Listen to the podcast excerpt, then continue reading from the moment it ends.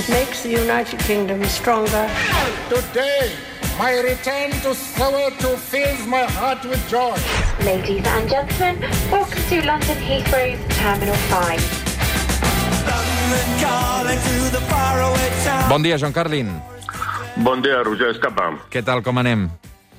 Molt bé. Escolta'm, crec que aquesta setmana tenia ganes de comentar amb tu aquest eh, estudi sorprenent, si més no, de The Economist, Sí. que eh, diu que la democràcia espanyola és defectuosa. Bàsicament, què passa? És una escala del 0 al 10. Eh, la democràcia treu, espanyola treu un 7,94. Eh, baixa alguns punts percentuals, molt poquets, eh, per sota del 8 en aquest cas, que continua sent una xifra alta. Eh, el que passa és que eh, sorprèn no? que, que estigui per sota de països com Costa Rica, per exemple.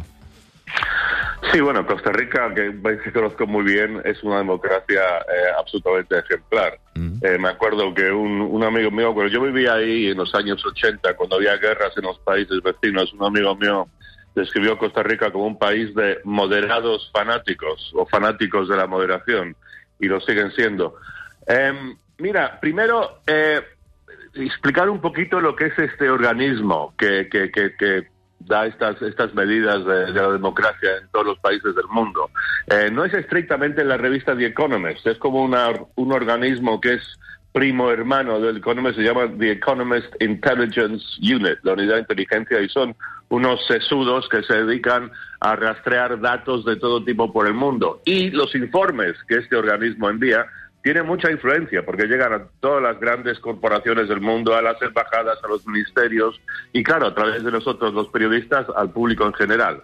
Entonces, eso para, para empezar. Em, segundo, eh, en el ranking que hacen, en las medidas que hacen, mejor dicho, de todos los países del mundo y, y los grados de democracia, lo que notan es una tendencia general a la baja en cuanto a democracia, en cuanto a participación política, libertades civiles y tal.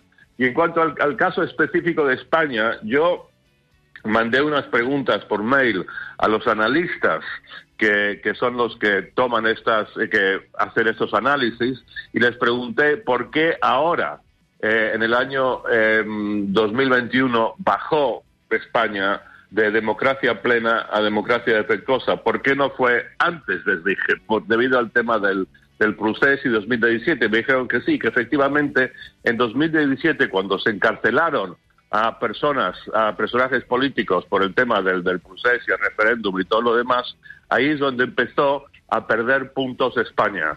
Y que el, el, pu- el- el tema clave, el motivo por el cual España ha descendido a segunda, digamos, es por la ausencia de o la carencia de independencia judicial, que es lo que creo que muchos hemos estado observando hace tiempo. I també els penalitza aquesta no renovació del Consell General del, del Poder Judicial, que està encalladíssima pels desacords polítics entre el PSOE i el, i el Partit Popular. Clar, què passa en aquest rànquing? Doncs que també en aquesta no democràcia plena també hi és França o també hi és eh, els Estats Units. I, I et vull parlar pel cas dels Estats Units, perquè aquesta setmana hem eh, sentit això. We have the DC jail, which is the DC gulag, but now we have Nancy Pelosi's gazpacho police spying on members of Congress. Gaspacho Police, eh? Aquesta és uh, Marjorie Taylor Greene, um, que ha confós uh, Gestapo, uh, la policia política dels nazis, amb el Gaspacho. Sí, sí, sí.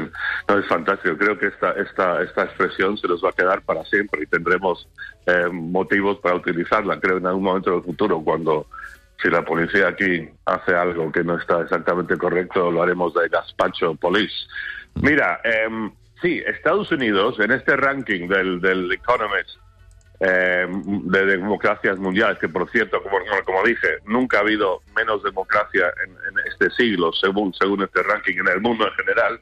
Pero lo interesante es que sí, España, eh, democracia defectuosa, pero el puntaje de Estados Unidos está por debajo de España. Estados Unidos también es clasificada como em, democracia defectuosa.